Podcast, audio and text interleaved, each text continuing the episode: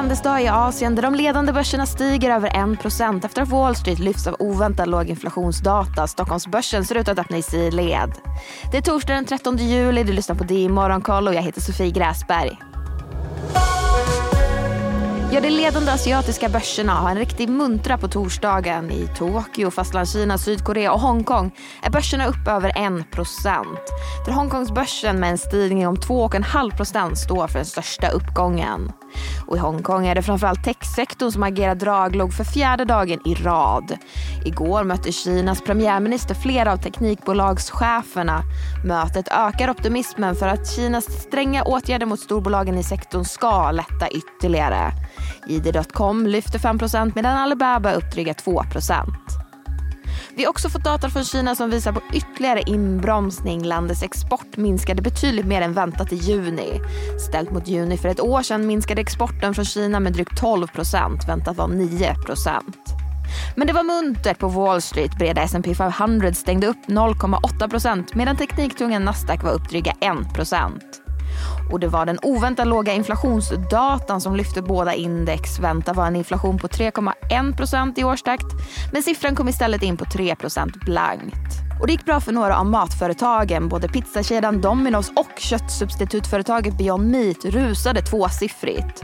Domino's efter att det stod klart att det inlett samarbete med Uber Eats. Och Beyond Meat efter att det meddelat att deras produkter ska säljas i 14 000 amerikanska matbutiker.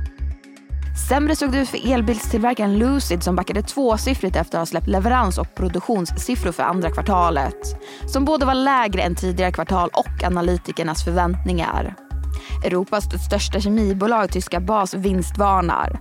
Bakom de lägre prognoserna nämns bland annat betydligt lägre priser och volymer tillsammans med negativa valutaeffekter. Och Sverige så via Play drar tillbaka helårsmål för 2023 efter nya vds översyn. Bolaget kommer att lämna uppdaterade mål och strategi i samband med att de rapporterar den 20 juli. Och på tal om att rapportera, TF Bank rapporterar ett högre rörelseresultat men samtidigt steg kreditförlusterna till 158 miljoner kronor. ITAB ökade rörelseresultatet och rörelsemarginalen men nettoomsättningen minskade med 12 procent. Senare idag rapporterar även Bufab, Note och Collector för att nämna några.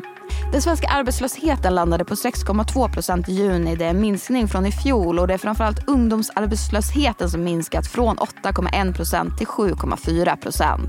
Vidare på makrofronten väntas inflationsförväntningar från Kantar Prospera senare idag. Vid den senaste mätningen för en månad sedan så sjönk inflationsförväntningarna något. På två års sikt trodde man då att inflationen skulle vara 2,5 procent. Samtidigt trodde de tillfrågade att styrräntan landar på i snitt 3,7 procent. En uppgång från i våras. Högst troligt så skruvas den siffran upp ytterligare efter Riksbankens senaste höjning till 3,75. Storbankerna tror alla på minst en höjning till i höst. Och om vi blickar ut i Europa så ska vi se lite makrodata att se fram emot. Storbritanniens BNP väntas landa på 0% blankt i årstakt från tidigare uppgången på 0,2 det var allt för den här nyhetsuppdateringen men missa inte Rapportmorgon som drar igång vid klockan sju på fredags morgon och senare släpps som podd. Det är Morgonkollet tillbaka igen imorgon. Jag heter Sofie Gräsberg.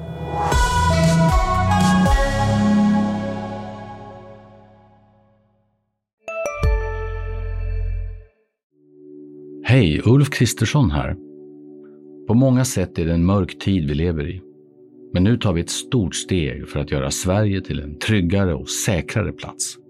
Sverige är nu medlem i Nato. En för alla, alla för en. Expressen gör varje vecka podden Politikrummet där vi djupdyker i det senaste och viktigaste inom svensk politik. Med mig, Filippa Rogvall, som programledare tillsammans med mina vassa kollegor. Och det är ju ni som heter Thomas Nordenskjöld, Anette Holmqvist och Viktor Bartkron. Politikrummet kommer med ett nytt avsnitt varje tisdag. Vi hörs.